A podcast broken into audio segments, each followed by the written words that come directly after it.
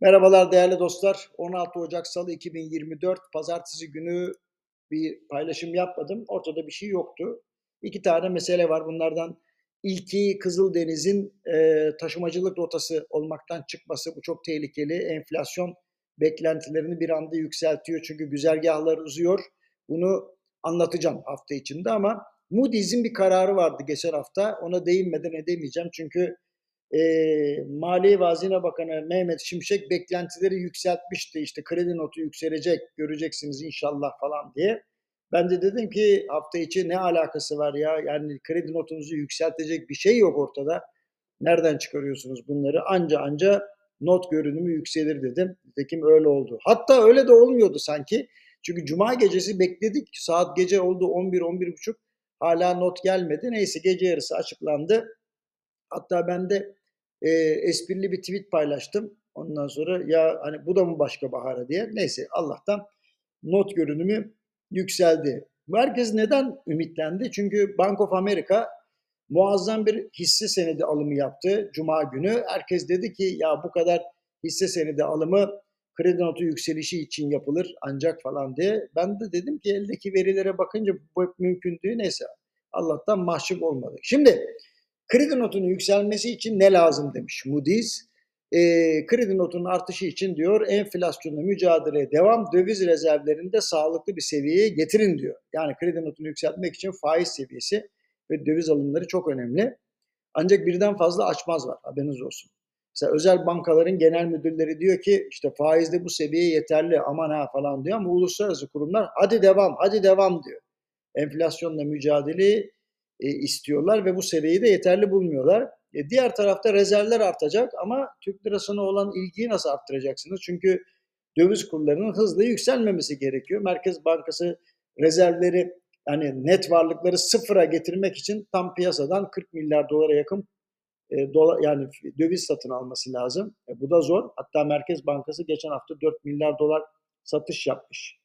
Ondan sonra yani bir şey var yani anlamsız bir mücadele var. Aman 30 lira olmasın diye. Bak oldu. Dün gece de aynı şeyi yaptılar. Yani 30.01'e kadar düştü. Sabah bir kalktık 30.10. Kim ne yapıyor?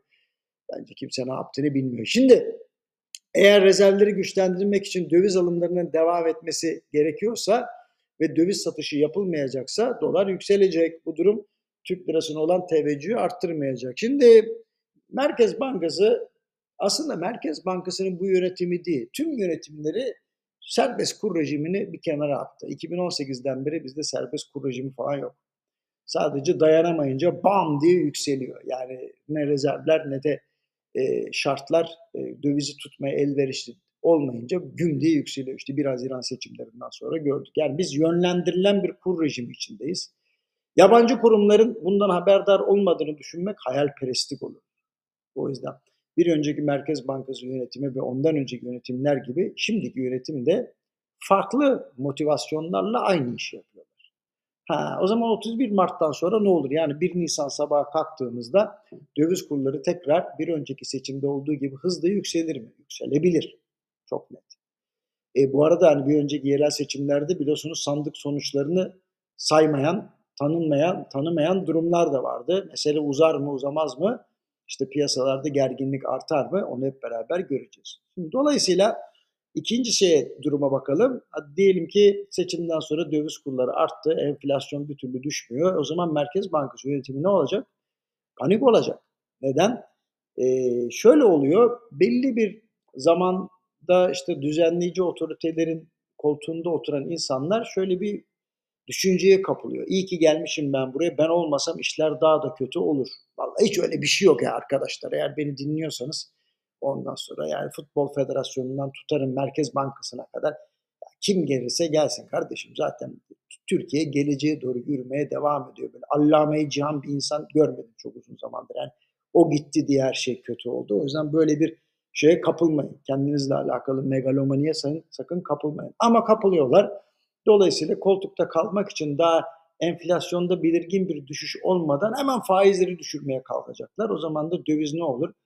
Siz bunu görün. Benden size tavsiye artık seçimlerde ne olacak diye sormayın. Yani vatandaş gidip oyunu verecek. Önemli olan seçimlerden sonra neler olacak ona bakmak lazım. İstiyorsanız bu senaryolar üzerinde biraz çalışalım. Hepinize iyi haftalar diliyorum.